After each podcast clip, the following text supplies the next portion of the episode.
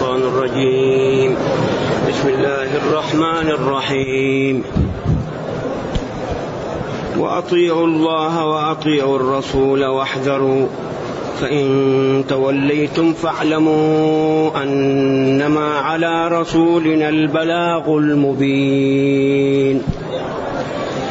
ليس على الذين آمنوا وعملوا الصالحات جناح فيما طعموا إذا ما اتقوا وآمنوا وعملوا الصالحات ثم اتقوا ثم اتقوا وآمنوا ثم اتقوا وأحسنوا والله يحب المحسنين. الحمد لله. الحمد لله الذي أنزل إلينا أشمل الكتاب وأرسل إلينا أفضل الرسل وجعلنا خير أمة أخرجت للناس فله الحمد وله الشكر على هذه النعم العظيمة والآلاء الجسيمة والصلاة والسلام على خير خلق الله وعلى آله وأصحابه ومن اهتدى بهداه. أما بعد فإن الله تعالى يأمر بطاعته وطاعة رسوله. بعد أن نهى وحذر من أمور سبب في إباق الناس. أيوه. قال إنما الخمر والميسر والأنصاب والأزلام رجس من عمل الشيطان. هذه الأربعة أصول للفساد. الخمر يفسد العقل. الميسر يفسد المال. ويأتي بالكراهية. ويأتي بالفقر. والأنصاب. والأزلام. هذا كفر بالله وحياد عن شرع الله. إذا هذه أصول إفساد. فالذي يكف عن هذه الأمور كأنه أنقذ نفسه من أبواب تأتي بالهلاك تأتي بالضياع. ما رأيت أحسن من الإسلام. هذا دين دين الحقيقة ينبغي لأصحابه أن يتجملوا به. ينبغي أن يفتخروا به. ينبغي أن الواحد يقول أنا مسلم بملء فيه لا يخاف. ولا يستحي ويستكن لأنه مسلم. وقال إنني من المسلمين. لا بد أن نعتز بهذا الدين. إذا لما بين هذه الأمور قال وبعدين بين أن الشيطان يريد أن يوقع بيننا العداوة والبغضاء بسبب الخمر والميسر.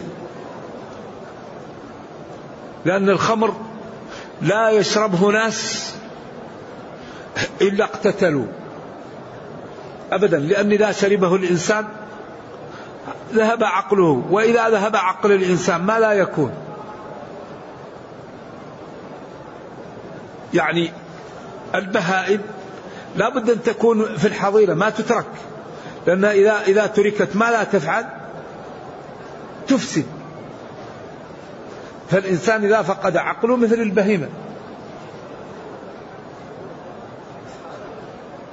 إذا الخمر والميسر هؤلاء سبب للبغضاء والفتن. إنما يريد الشيطان أن يوقع بينكم العداوة والبغضاء بالخمر والميسر.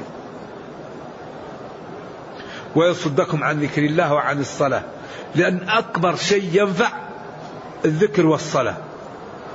أنواع الذكر تحيي القلب تطرد الشيطان تكثر الحسنات الصلاة سياج يحول بين العبد وبين المعاصي.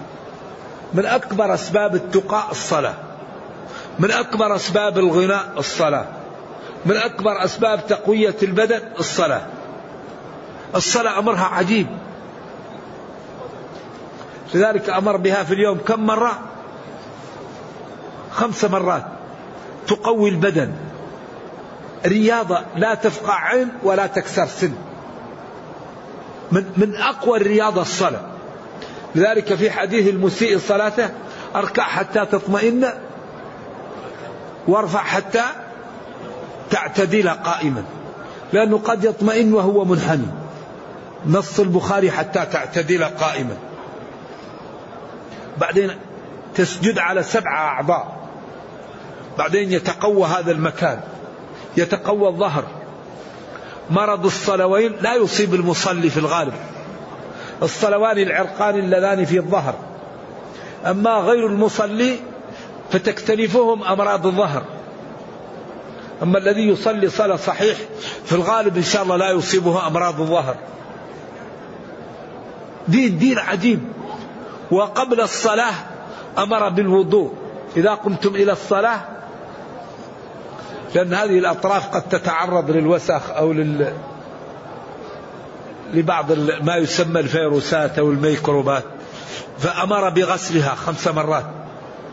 يعني دين دين عجيب. ولذلك يعني كل ما زاد علم الإنسان وثقافته ظهر له جمال هذا الدين وحسنه وأنه حري بأن يتمسك منه. وأن ينضوى تحته وأن يعتز به وأن أهله يظهرونه للناس.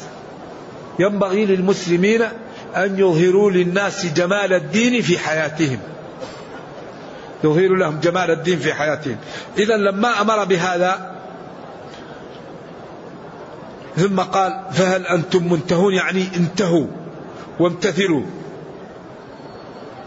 ثم قال وأطيعوا الله وأطيعوا الرسول. أطيعوا. أمر من الطاعة. أطيعوا الله فيما أمركم به. وأطيعوه في أن تكفوا عما نهاكم عنه. والرسول صلى الله عليه وسلم طاعته طاعة لله. لذلك هذا العبد أعطاها الله مكانة لم يعطيها لغيره. أطيعوا الله إيش؟ وأطيعوا الرسول. من يطيع الرسول فقد أطاع الله. قل إن كنتم تحبون الله فاتبعوني. لكن الناس في هذا الجانب مع الأسف بين إفراط وتفريط. بعض الناس يحاول لا يعطي للنبي صلى الله عليه وسلم حقه. هذا لا ينبغي ولا يتأدب معه. والله أعطاها مكانة ما أعطاها لغيره. قال صلى الله عليه وسلم لا يؤمن أحدكم حتى أكون أحب إليه من والده وولده والناس أجمعين. من الذي قيل عنه لا ترفعوا أصواتكم فوق صوت النبي. بعدين ولا تجهروا له بالقول كجهر بعضكم لبعض يعني لا تساووه معكم. بعدين توعد بوعيد في غاية الخطورة. أن تحبط إيش؟ أن تحبط أعمالكم. جملة أن تحبط أعمالكم محلها من الإعراب ما هو؟ مفعول لأجله. كراهة أو لئلا تحبط أعمالكم. وجملة وأنتم لا تشعرون حاليا. يعني واحد يحبط عمله وهو لا يدري. هل فيه وعيد أكبر من هذا؟ إذا هذه منزلة عظيمة. إذا منزلة النبوة فوق كل منزلة. صلى الله عليه وسلم. ولكن هناك محل لا يتعداه المخلوق. فلا نعطي للرسول صلى الله عليه وسلم حق الله. ولا نحاول أن نرفع نرفع حتى نعطي للأنبياء أو للصلحاء حق الله. هذا لا يرضيهم ولا يرضي الله. فذلك لا بد أن نكون الأمور نضعها فيش في نصابها. فلا نقول أن الأنبياء يعلمون ماذا؟ الغيب. الغيب من خصائص ماذا؟ أيوة الربوبية. لا يعلم الغيب إلا من؟ إلا الله. قل لا يعلم من في السماوات والأرض الغيب إلا الله. وإذا استعرضنا الرسل نجد أنهم لا يعلمون الغيب. فنوح قال ربي إن ابني من أهل لأنه قال له إنا منجوك وأهلك. حتى قال له ربه يا نوح إنه ليس من أهلك أي الموعود بنجاتهم. قال الله عن نوح ربي إني أعوذ بك أن أسألك ما ليس لي به علم. وإبراهيم ذبح عجل للملائكة ولما لم يأكلوا أيوة توجس. حتى قالوا له إنا أرسلنا إلى قوم لوط. ولوط لما جاءته الملائكة ضاق بهم ذرعا وقال كلامه المحزن المبكي. يا قوم هؤلاء بناتي هن أطهر لكم فاتقوا الله ولا تخزوني في ضيفي.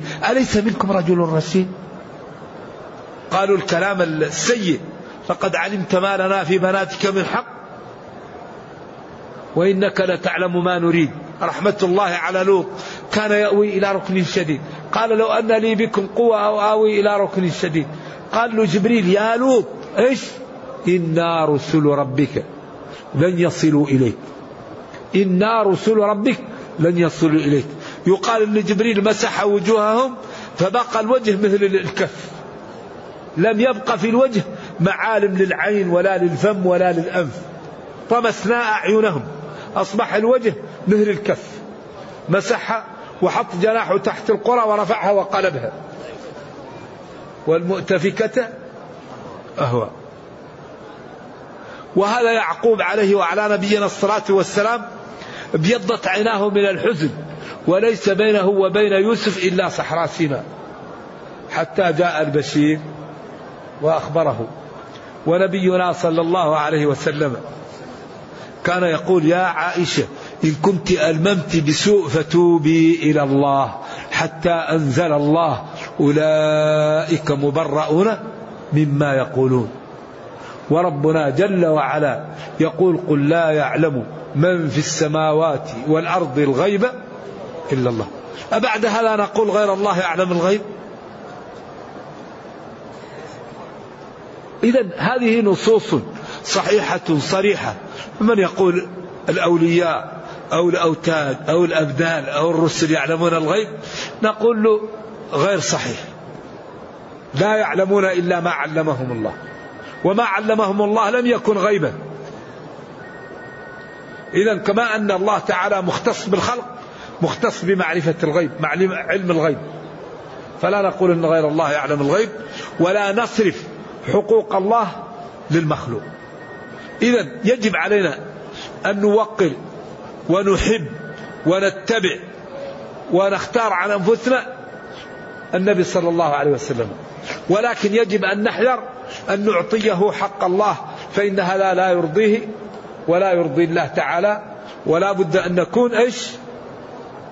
أيوه. ولذلك قال لا تقدموا بين يدي الله ورسوله. جعل الفعل المتعدي لازما أي لا يحصل منكم التقدم سواء في قول أو فعل. أو في كلام أو في رأي أو في حتى لا تمشي أمامه إذا كنت معه. صلوات الله وسلامه عليه. وقال وأطيعوا الله أطيعوا الله فيما أمركم به. وأطيعوه في الكف عما نهاكم عنه. ثم قال والرسول. وهذا تأكيد وحث على ما جاء في الخمر أنه يعمل به وينفذ. والذي يطيع الله ويطيع الرسول صلى الله عليه وسلم ربه يضمن له أمرين. الذي يستقيم الله يضمن له أمرين. لأنه قادر وكريم ولا تخفى عليه خافية. ربنا كريم يده سحاب. ويقول ادعوني أستجب لكم ولا تخفى عليه خافية وما تسقط من ورقة إلا يعلمها ويقول أمرنا إنما أمرنا لشيء إذا أردناه أن نقول له كن فيكون. إذا ما الذي يريد العبد؟ ما الذي يريد العبد؟ إن كان يريد عزة في الدنيا الله قادر يعطيه إياها. وإن كان يريد مالا وإن كان يريد ولدا وإن كان يريد مكانة وإن كان يريد جنة أو فردوسا فليسلك طرقه. كل شيء تريده عند الله. من كان يريد ثواب الدنيا فعند الله ثواب الدنيا والآخرة. يا أيها الناس أنتم الفقراء إلى الله والله والغني الحميد. ولذلك من يطع الله فالله يضمن له أمرين. الأمر الأول يصلح له دنياه. الأمر الآخر يصلح له أخرى وأي شيء أحسن من أن تصلح للعبد دنياه وأخرى ما الذي يريد؟ إذا ينبغي أن نأتي البيوت من أبوابها. ينبغي أن نأتي الأمور من طرقها الصحيحة. أي شيء تريد عند الله. ما الذي تريد؟ طع ربك والتزم أوامره واجتنب نواهيه واسلك الطرق المرسومة لك. وما تريده يعطيكه ربك لأنه قادر وكريم ولا تخفى عليه خافية. إذا قال وأطيعوا الله وأطيعوا الرسول. لذلك من يطيع الرسول فقد أطاع الله. قل إن كنتم تحبون الله فاتبعوني. قالوا السنة كلها دخلت في هذه الآية. ولذلك قال ابن مسعود وما لي لا ألعن من لعن الله. قال قالت أنا قرأت المصحف لا لم أجد فيه. لعن الله النامصة والمتنمصة والمتفلجات للحسن المغيرات خلق الله. قال إن كنت قرأتيه فقد وجدته. قالت أنا قرأت المصحف من أوله إلى آيائه لم نجد هذا. قال لم تقرأي من يطيع الرسول فقد أطاع الله. ولم تقرأي فاتبعوني يحببكم الله وما أتاكم الرسول. ألم يقل لعن الله النامصة والمتنمصة؟ لذلك السنة من القرآن. لأن الله تعالى أمر باتباع السنة وأمر بطاعة النبي صلى الله عليه وسلم وأخبر أنه أسوة لقد كان لكم في رسول الله أسوة حسنة. أما الذين يفرقون بين الكتاب والسنة فهؤلاء عندهم جهل أو في قلوبهم مرض. الكتاب هو مبين بالسنة لأن الله قال لنبيه لتبين للناس ما نزل إليهم. وقال صلوات الله وسلامه عليه ألا إني أوتيت القرآن ومثله معه ونزلت اليوم أكملت لكم دينكم. فلو لم يبين القرآن وبقية جوانب خفية لما كمل الدين. ولذلك لما نزلت الآية بكى كبار الصحابة وعلماؤهم. قالوا لم تبكون؟ قال لا ما تم شيء إلا نقص إذا وأطيعوا الله وأطيعوا الرسول. الطاعة في المعروف. والله والرسول لا يأمران إلا بالمعروف ليسوا. أما غير الله ورسوله قد يأمرك بالطاعة وقد يأمرك بغيره. ولذلك قال صلى الله عليه وسلم إنما الطاعة في المعروف. والداك إذا أمراك بمعصية لا تفعل. وإنما الطاعة في المعروف. لكن الله والرسول لا يأمران إلا بما لا إلا بالمعروف. ولذلك هذا الدين دين الحقيقة دين السماحة والنزاهة والعدالة والرفعة والقوة. قال خذ العفو وأمر بالعرف.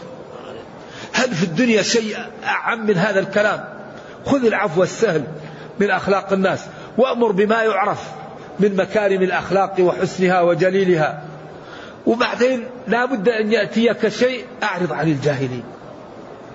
كلام رائع الحقيقة. ولذلك حري بنا أن نكون في المقدمة وأن لا تكون الأمة في الخالف. أمة الإسلام. ينبغي أن تكون فيش في الصدارة. أمة القرآن. خير أمة أخرجت للناس. لا ينبغي أن تكون في الخالف. ينبغي أن تكون في المقدمة. ينبغي أن تكون قوية متماسكة متحدة. تهتم بالعقول وبالإبداع وبالاستشارة وبالعلم وبالضعيف. وتهتم بمصالحها. وأن لا تكون الأمة المسلمة على هذه الكثرة أضعف من غيرها. ولذلك ما نعيشه بالضعف ما سببه؟ ما سبب ضعف المسلمين؟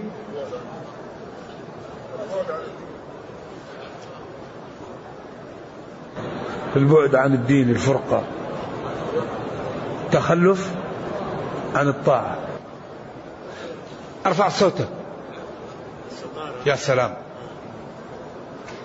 عدم الأخذ بالأسباب. كل شيء في الدنيا بثمن.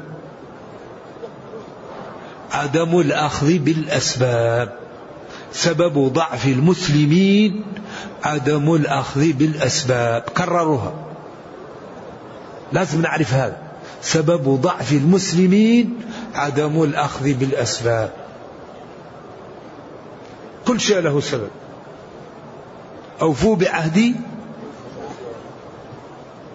طيب لو قلنا مثلا في دول كافرة قوية كيف كانت قوية؟ وهي كافرة. لكن لا يدخل الجنة أحد إلا إذا سار على نهج الشرع. أما سنن الكون الذي يسير عليها يأخذ نتائجها في الدنيا. فإذا سار على سنن الكون عن طريق شرع الله يقوى في الدنيا ويدخل الجنة. إذا الدنيا يحكمها قانون المعاوضة. تدفع تربح. تنام تخسر. لذلك الله أخبر عن أهل الغرب. ماذا أخبر عنهم؟ قال ولكن أكثر الناس لا يعلمون يعلمون إيش؟ ظاهرا من الحياة الدنيا. أهم شيء الدوام أهم شيء النظام أهم شيء عدم الغش. فأصبحوا في الدنيا قوية لأنهم يعلمون إيش؟ ظاهرا من الحياة الدنيا. الكافر ما يغشك ليس خوفا من الله ولكن خوف على بضاعته أن تبور. لأنه إذا غش الذين يشترون منه لا يرجع لا يعودون له. إذا عمل عمل يعمله متقن عشان بكرة تأتي تأخذ منه مرة أخرى. ولذلك الله قال يعلمون ظاهرا من الحياة الدنيا. نحن المسلمين نائمون. ينبغي أن نستيقظ نهتم بمصالحنا نهتم بالقوة نهتم بالعلم نهتم بالاستشارة. نهتم بالطرق التي تجعلنا في المكان اللائق بنا. كنتم خير إيش؟ أمة. لكن مشكلتنا الحقيقية عدم الأخذ بالأسباب. ولذلك الذي لا يأخذ بالسبب لا لا ينال المسبب. ونعطيكم مثال واضح جدا وهو هل رأيتم إنسان له أولاد لم يتزوج؟ لو كل يوم يقول اللهم ارزقني أولادا هل يمكن يأتيه ولد من غير زوجة؟ هل رأيتم إنسان عالم لم يجد ذل الطلب في الدنيا؟ هل رأيتم إنسان ينال عز العلم وهو لم يتجرع الجوع والعطش والبعد عن الأحبة والأوطان وترك النوم وترك الراحة وترك الفسحة؟ والتعب والجلوس عند الشيخ بعدين ينال عز العلم. هل رأيتم إنسان يمتلئ قلبه من الورع وهو يتكلم بالحرام وينظر الحرام ويأكل الحرام؟ لا يمكن أن يمتلئ قلب الإنسان بالورع إلا بمكابدة الطاعات. الذي يكابد الطاعات يكون تقيا يترك النظر يترك الكلام يترك السمع. يترك التفكير في الحرام يترك المشي للحرام لمس الحرام يحفظ بطنه من الحرام فرجه من الحرام. بعدين يمتلئ القلب ويقوى جذع الإيمان فيكون مثل هذا العمود. فتهون عليه الدنيا في رضا الله تعالى فإذا سأل الله أعطاه. وإذا عاداه شخص دمره. وإذا تخالط مع شخص تشبع بالدين سرى فيه الدين. هل رأيتم شخص يحبه الناس وهو لا يتغاضى عنهم ولا يكرمهم؟ الذي يحب أن تحبه الناس أن تحبه الناس يحسن إليها ويتحمل أذاها. فإذا أحسن الإنسان إلى الناس وتحمل أذاهم أحبوه ودعوا له وذكروه بالخير. إذا كل شيء في الدنيا له ثمن. إذا قال أوفوا بعهدي أوفي بعهدي. إن الله اشترى الشراء سلعة وعوض وعوض عنها. هذا الكلام وهذه المعاني فهمها الكفار فأصبحوا يهتموا بالمصرف ويهتموا بالعقول ويهتموا بالمواعيد ويهتموا بالعمل ويهتموا بتطبيق النظام فأصبحوا أقوياء. والأمة المسلمة في كثير من أمورها تغالط. غلط زايد غلط ينتج غلط. بحر من الغلط ينتج غلط. إذا لابد أن نهتم بأمورنا. لابد أن نهتم بالصدق بالأمانة بالعلم بالعقول بالاستشارة بتطبيق النظام. وشوية شوية تعود الأمة إلى مكانتها. والله يقول إن الله لا يغير ما بقوم نعم. إذا وأطيعوا الله وأطيعوا الرسول. فإذا أطعنا الله ورسوله تصلح لنا دنيانا وأخرانا. والله يدمر أعداءنا. من عادى لي وليا فقد آذنته بالحرب. إذا نطيع الله ونطيع الرسول صلى الله عليه وسلم. واحذروا. احذروا سخط الله. احذروا معاصي الله. احذروا موارد العطب.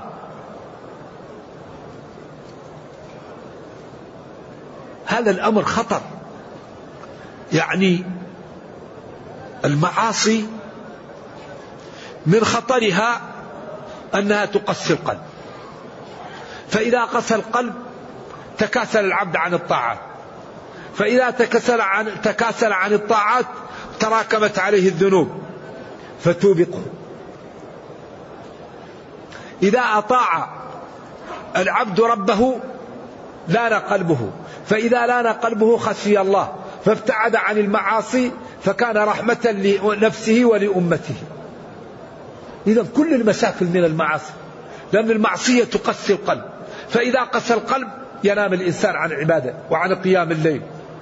ويخف عليه أكل أعراض الناس ويخف عليه البيع بالنجش والربا. ويخف عليه الاعتداء على أموال الأيتام والضعاف. وشوية شوية يقع في داهية. إذا الذنوب تدعو للذنوب والطاعات تدعو إلى الطاعات. ولذلك قال إن الحسنات يذهبن السيئات. لذلك ينبغي لنا أن نكابد الطاعات. ينبغي أن نحاول أن نكون قدوة في الخير. ينبغي أن نكون أوادم ينبغي أن ننتج لديننا ولأمة كل واحد منا ينتج لدينه وأمته بقدر ما يستطيع. ما في واحد يعجز أن يقوم في الليل ويصلي ركعتين ويقول اللهم ارفع المسلمين. اللهم قوهم. اللهم ارحم موتاهم. اللهم رد عنا كيد أعدائنا. يدعو ينصح يؤطل يعمل مشروع. كل واحد يقوم للدين بما يستطيع بعدين يقوى الدين. إذا كان كل واحد يجعل اللوم على الآخرين كيف نتقوى؟ الله يهديهم. وما فعلوا. طيب وين أنت؟ الله يهديك أنت أول. ما الذي فعلت أنت؟ إذا ولذلك قال لا يكلف الله نفسا. كل واحد يقوم بما يستطيع تقوى الأمة. أما إذا كان كل واحد يجعل اللوم على الآخرين هذا هو الذي يضعفنا. إذا وأطيعوا الله وأطيعوا الرسول واحذروا. سخط الله نقمه معاصيه أحذروا العطب أحذروا أن تخالفوا. فإن توليتم يعني أعرضتم ولم ولم تمتثلوا فاعلموا أيقنوا أن ما على رسولنا البلاغ الواضح. قيل هذا منسوخ بآية؟ السيف. وقيل لا الرسول عليه أن يبلغ لكم وإذا بلغكم ولم تمتثلوا فعليه أن يعمل هو الآن يبلغكم ولذلك من بلاغه أنه إذا أتى قوما كفار أخبرهم بثلاثة أمور. قال إنك تأتي عدوك من المشركين فادعوهم إلى ثلاث خصال شهادة لا إله إلا الله. فإن لم يقبلوا فيش الجزية. فإن لم يقبلوا لقد أرسلنا رسلنا بالبينات وأنزلنا معهم الكتاب والميزان ليقوم الناس بالقسط الأدلة والبراهين. فمن لم تنفع فيه الأدلة والبراهين ولا الكتب فيه الكتائب الكتيبة. إن لم يردع بالكتب يردع بالكتائب. لذلك قال وأرسلنا معهم الكتاب والميزان ليقوم الناس بالقسط. بعدين قال وأنزلنا الحديد فيه بأس شديد. إذا هذا الدين جاء لتبقى الإدارات في العالم بيد المسلمين. من شاء فليؤمن ومن شاء فليكفر. شريطة الإذعان. لا بد أهل الأرض أن تكون إدارات الأرض بيد المسلمين حتى يظهروا جمال هذا الدين وحسنه. أما الذين يقولون إن الإسلام جاء لإرغام الناس على الدين غير صحيح والذين يقولون إن الإسلام جاء لصد الهجوم غير صحيح. الإسلام جاء لتبقى الإدارات في, في الأرض بيد المسلمين. الذي يحب الإسلام الله يحييه والذي يريد أن يبقى على الكفر يملي عليه المسلمون الشروط ويلتزم بهم. ولذلك قال لا إكراه في الدين وقال حتى يعطوا الجزية عن يد وهم صاغرون. نعم. وأهل الأرض كانوا إما يهود أو نصارى أو مجوس. أما جزيرة العرب فلها أحكامها الخاصة بها. نعم. إذا ما يقوله بعض الناس أن الإسلام جاء لإرغام الناس غير صحيح وما يقول أن الإسلام جاء لصد الجهوم لا الإسلام جاء لتبقى الإدارات في العالم بيد المسلمين. من شاء فليؤمن شريطة الإذعان. ولذلك الإسلام ما دخل بلدا إلا تسابق أهله في دخوله لأنه يدعو إلى الصدق وإلى الرحمة وإلى العدالة وإلى الرفق وإلى النزاهة وإلى الصدق وإلى السماحة. فما دخل الإسلام بلدا إلا سارع أهله في الدخول فيه. وأكبر مشكلة يعيشها الإسلام أن المسلمين ينفرون غير المسلمين من الدخول في الإسلام. أكبر مشكلة تعيشها الأرض الآن أن كثيرا من المسلمين أعمالهم تنفر عن الدخول في الإسلام. الإسلام يقول لا تظلم لا تكذب لا تسرق لا تزني لا ترابي تصدق انفق. اصلح ذات البين. افعلوا الخير لعلكم تفلحون. فإذا قرأ القارئ عن هذا الدين قال ما أنجعه وأحسنه وأجدره بحل مشاكل أهل الأرض. فإذا نظر إلى المسلمين وجد الرشوة وجد الربا وجد النجش وجد الظلم وجد الخديعة. إذا يقول لو كان الدين حق لاتبعه أهله. قال جل وعلا ربنا لا تجعلنا فتنة للذين كفروا. أي لا تجعل عملك فينا سببا في صد غير المسلمين عن الدخول في الإسلام. وبالأخص المسلمون الذين يعيشون بين ظهراني الكفار. فهؤلاء الصدق عليهم متحتم والعدالة وعدم الغش مسلم يغش ويغش كافر. هذا يقال له حشف وسوء كيد. أتغش الكافر وأنت مسلم؟ سيقول هذا دينه فاسد. دينه يدعوه إلى الغش. فكثير من المسلمين الذين يعيشون بين ظهراني الكفار سببوا للكفار كراهية للدين لأنهم يجعلون إجازات مزورة ويجعلون شهادات عطل عن العمل وهم يشتغلون ويجعلون لهم أولاد وهو قد يكون عقيم ولا ولد له ليأخذ إيش؟ أموال. وهذه أمور لا يقر الدين الغش. الغش لا يجوز أبدا. من غش فليس مني. من غشنا فليس منا. قال تعالى لنبيه صلى الله عليه وسلم وإما تخافن من قوم خيانة فانبذ لهم على سواء. قال له ما كان لنبي أن تكون له خائنة الأعين. فالمسلم لا يغش. ولا يكذب ولا يخادع.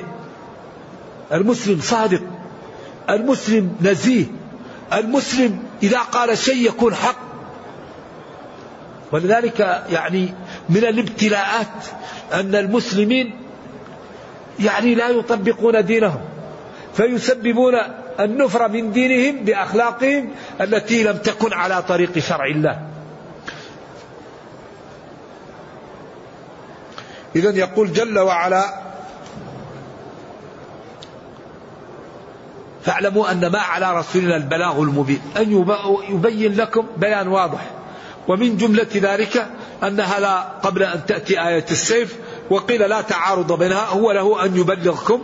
ومما يبلغكم أنكم إذا لم تؤمنوا لا بد أن تدفعوا الجزية أو إيش؟ أو يقع غير ذلك كما هو مبين. ثم قال ليس على الذين آمنوا. وعملوا الصالحات جناح إثم فيما طعموا. إذا ما اتقوا وآمنوا وعملوا الصالحات ثم اتقوا وآمنوا ثم اتقوا وأحسنوا والله يحب المحسنين. هذه الآية لما نزل تحريم الخمر قال بعض الصحابة كيف إخواننا الذين ماتوا والخمر في بطونهم؟ فأنزل الله هذه الآية. ليس على الذين آمنوا وعملوا الصالحات جناح فيما شربوا أو أكلوا قبل التحريم. إذا ما اتقوا فيما بلغهم بعد ذلك واجتنبوا المعاصي والتزموا آه، الأوامر. إذا ليس عليكم إثم فيما تقدم. إذا هذا رافع لأن العبد قبل أن تأتيه النصوص لا يؤاخذ. وما كما قال هناك وما كان الله ليضيع إيمانكم. لما قالوا كيف بإخواننا الذين ماتوا يستقبلون بيت المقدس؟ ما كان الله ليضيع إيمانكم أي صلاتكم. إذا العبد أي عمل يعمله يكتب له إذا ليس على الذين آمنوا وعملوا الصالحات. آمنوا بما جاءهم من الدين وبرهنوا على ذلك بالأعمال الصالحات إثم وجناح فيما طعموا فيما أكلوا وشربوا من المحرمات قبل تحريمها. إذا ما اتقوا الله فيما استقبلوه وآمنوا بما جاء من الشرائع وبربهم ونبيهم. ثم اتقوا الله تعالى فيما جاء نزل من التشريع وأحسنوا في أعمالهم. والله جل وعلا يحب المحسنين فبادروا بالإحسان. لأن الله تعالى يحب المحسنين والمحبة صفة من صفات الله تعالى.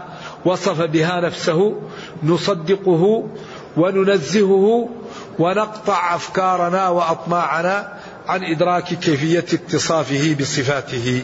إذا هذه الآية نازلة في من شربوا الخمر قبل تحريمها وأنهم لا إثم عليهم وأن الذي شربها في ذلك الوقت وجاء الإسلام واستقام عليه لا يضره شربه المتقدم إذا التزم بالأوامر الجديدة وبالتحريم الجديد فإن الله تعالى يحسن إليه لأنه محسن والله جل وعلا يحب المحسنين وصلى الله وسلم وبارك على نبينا محمد وعلى آله وأصحابه ومن تبعهم بإحسان إلى يوم الدين.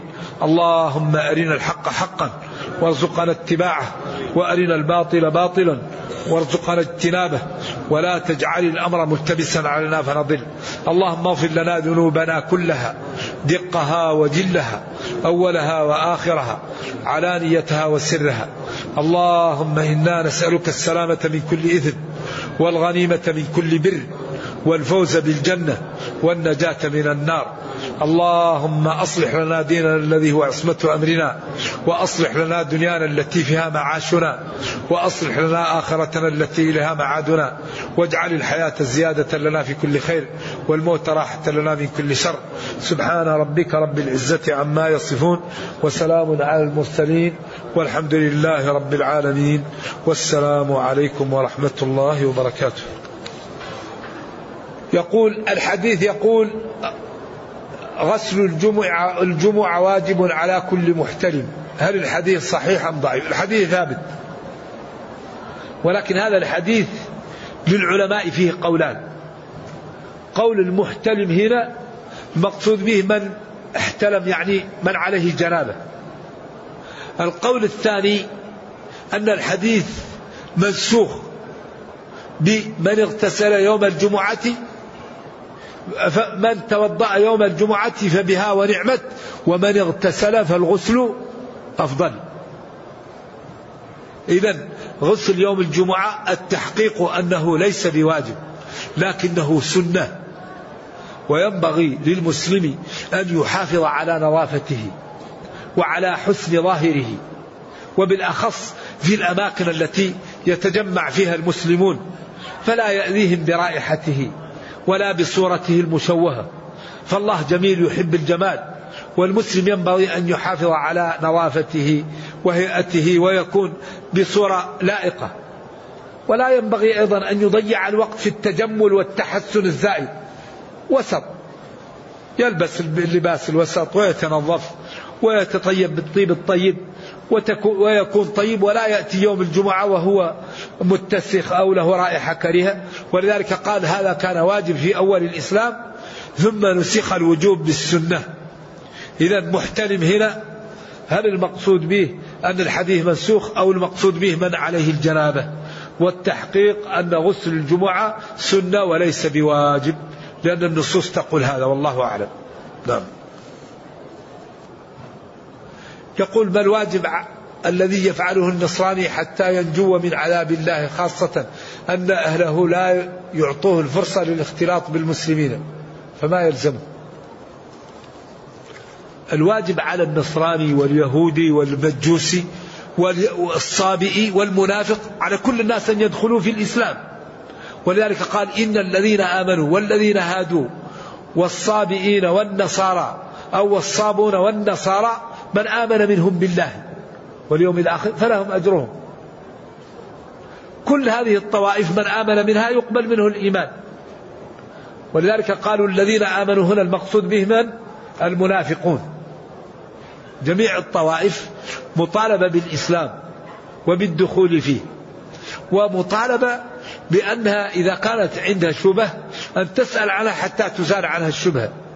ولذلك الدين الإسلامي قائم على الإقناع. كل كل قضاياه بالإقناع. قال أم خلقوا من غير شيء؟ أم هم الخالقون؟ أم خلقوا السماوات والأرض؟ إذا كل ذلك لم يقع. إذا خلقكم الله فاعبدوه. قال وإن كنتم في ريب مما نزلنا على عبدنا ما قال فقد كفرتم. قال فأتوا بمثله. فإن لم تستطيعوا في الماضي ولن تستطيعوا في المستقبل فهناك الخطر ماثل وقد أوعد المكذب به النار فاتقوا النار. دين قائم على الإقناع. إذا ولذلك ينبغي لمن له شبه أن يذهب للعلماء حتى يزيلوا عنه الشبه ليقوى إيمانه. لأن الشبه تسبب ضعف الإيمان والنفاق. نرجو الله السلام والعافية. يقول هل هناك دليل على حقيقة الأوتاد والأقطاب وال وال وال والنجباء والأغواث؟ لا أعرف هذا. أعرف المتقي والفاجر. والله قسم الناس ثلاثة طوائف. قال ثم أورثنا الكتاب الذين اصطفينا من عبادنا. فمنهم ظالم لنفسه ومنهم مقتصد ومنهم سابق بالخيرات. هؤلاء أقسام المسلمين. بعدين قال جنات عدن يدخلونها. قال العلماء حق لهذه الواو أن تكتب بماء الذهب. وهي واو يدخلونها. وقال العلماء قدم المسرف على نفسه لكي لا يقنط. قال فمنهم ظالم لنفسه. قدموا. وأخر السابق للخيرات لكي لا يغتر بعمله فيحبط رحمة بهم. قدم هذا الذي عنده الذنوب لكي لا يقنط وأخر هذا السابق لكي لا يغتر بعمله فيحبط وقال في الثلاثة يدخلونها. الواو هذه. اللي تشمل الظالم والمقتصد والسابق للخيرات. وقال ورحمتي وسعت كل شيء. والجنة أبوابها كم؟ ثمانية. يدخل بالبكاء يدخل بالصلاة يدخل بالاستغفار يدخل بالإخلاص ليدخل بمحبة إخوانه. ولا نضيق واسعة. أيوة. إذا لا أعرف هذا. أعرف متقي وفاجر. مسلم وكافر.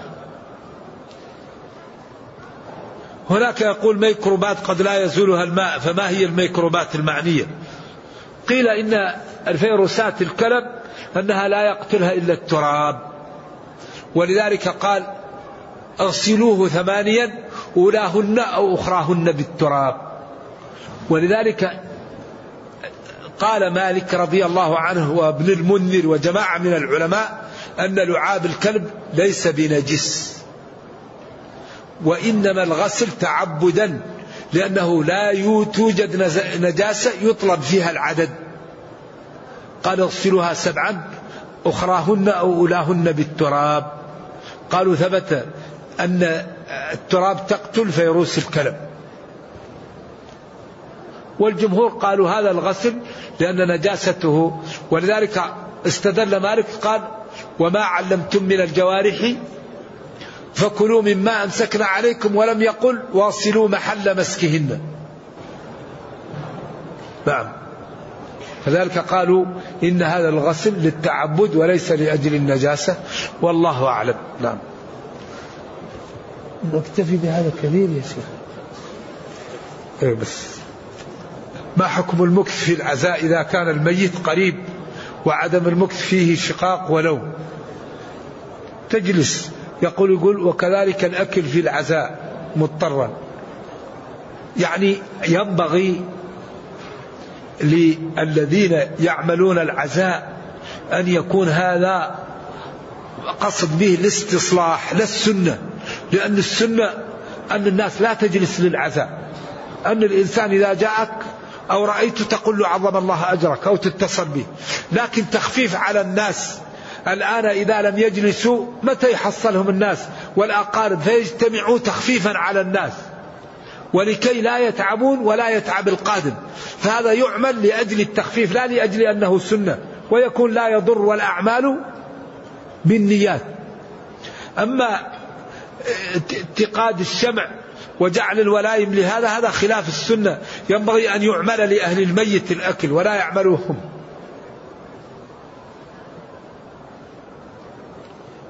هل صحيح أن من يفطر على تمر أو ماء كما لا يجوز له أن يأكل بعد ذلك حتى يصلي المغرب. لا أعلم هذا. يأكل إذا أفطر يأكل ما يحب. لكن التمر عند للصائم أو الرطب أو الماء هذا أنفع لأنه قال فليفطر على تمر على رطب أو تمر فإن لم يجد فماء فإنه طهور. لكن إن أحب يأكل أي شيء ما عليه جناح. أحب أن يفطر على مفطحات أو أي شيء أو لحم أو ما الذي يريد له ذلك؟ أن الأكل بعد الإفطار على التمر وقبل الصلاة بدعة ومخ أصلا الأكل ما فيه بدعة. البدعة في العبادة البدعة إحداث شيء في الدين على غير مثال سابق. البدعة ما, ما, ما تكون في أكل وشرب. وفي لباس. البدعة في الدين.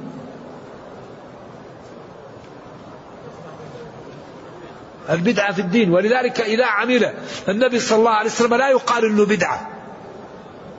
مثلا إذا رفع النبي صلى الله عليه وسلم يديه في الدعاء لا يقال بدعة رفع يديه في الدعاء أبدا. لأنه رفع يديه ولم يقل لا تفعلوا. لكن نرفع في المكان اللي رفع فيها ولا نرفع في المكان الذي لم يرفع فيه لكن لا نقال رفع اليدين بدعة أبدا. لأنه فعلها ولم يقل لا تفعلوا إلا في هذا المكان. ففعله أقل ما يدل عليه الجواز.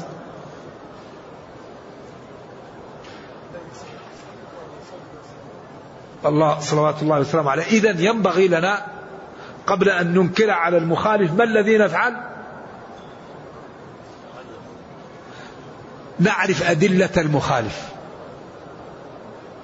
أهم ما يقوم به طالب العلم المنصف أن يضر في أدلة مخالفيه قبل الإنكار عليه.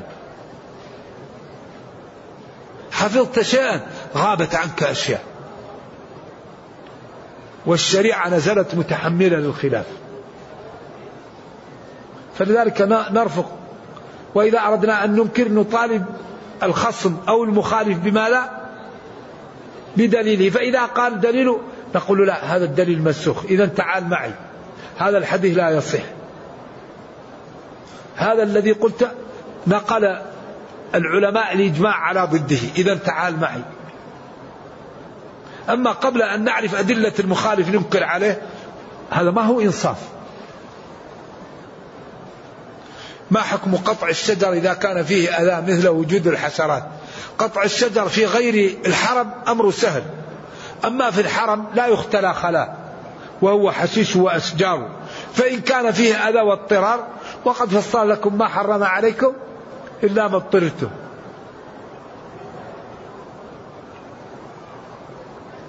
ما حكم قراءة القرآن جماعي بصوت عالي في الخلوة لغرض الحفظ؟ إذا كان لغرض الحفظ لا يضر. هذا دائما يا إخواني يتكرر مثله. ولكن في شيء اسمه تزاحم المفاسد والمصالح. يقول أنتم قلتم نهيتم عن البناء على القبور. فكيف يكون قبر النبي صلى الله عليه وسلم الآن في الروضة؟ أفيدونا جزاكم الله خيرا. الذين بنوا على قبر النبي صلى الله عليه وسلم. النبي صلى الله عليه وسلم ما, ما بني عليه هو النبي دفي في بيته أولا. قال إن الأنبياء تدفن حيث تقبض. إذا هو قبض في بيته ودفن فيه. لأن هذا نص بعد. إذا هذا يخرج ما لا أيوة. الأمر الثاني لما حصل هذا البناء وعمل أصبح هناك لا بد من ارتكاب خف الضررين. تتزاحم المفاسد والمصالح. فإذا عمل أي شيء العالم يقول عمل في الروضة وعمل وعمل. فهنا تتزاحم المفاسد والمصالح فلا بد أن يرتكب ما لا أخف الضررين. الأمر الرابع النصوص هي الفيصل. العمل ما هو حجة؟ الحجة النصوص. ما في. الله يقول اتبعوا ما أنزل إليكم. فإن تنازعتم في شيء فردوه إلى الله. تركت فيكم ما إن تمسكتم به لن تضلوا بعدي. كتاب الله والسنة. نعم. ونكتفي بهذا القدر. السلام عليكم.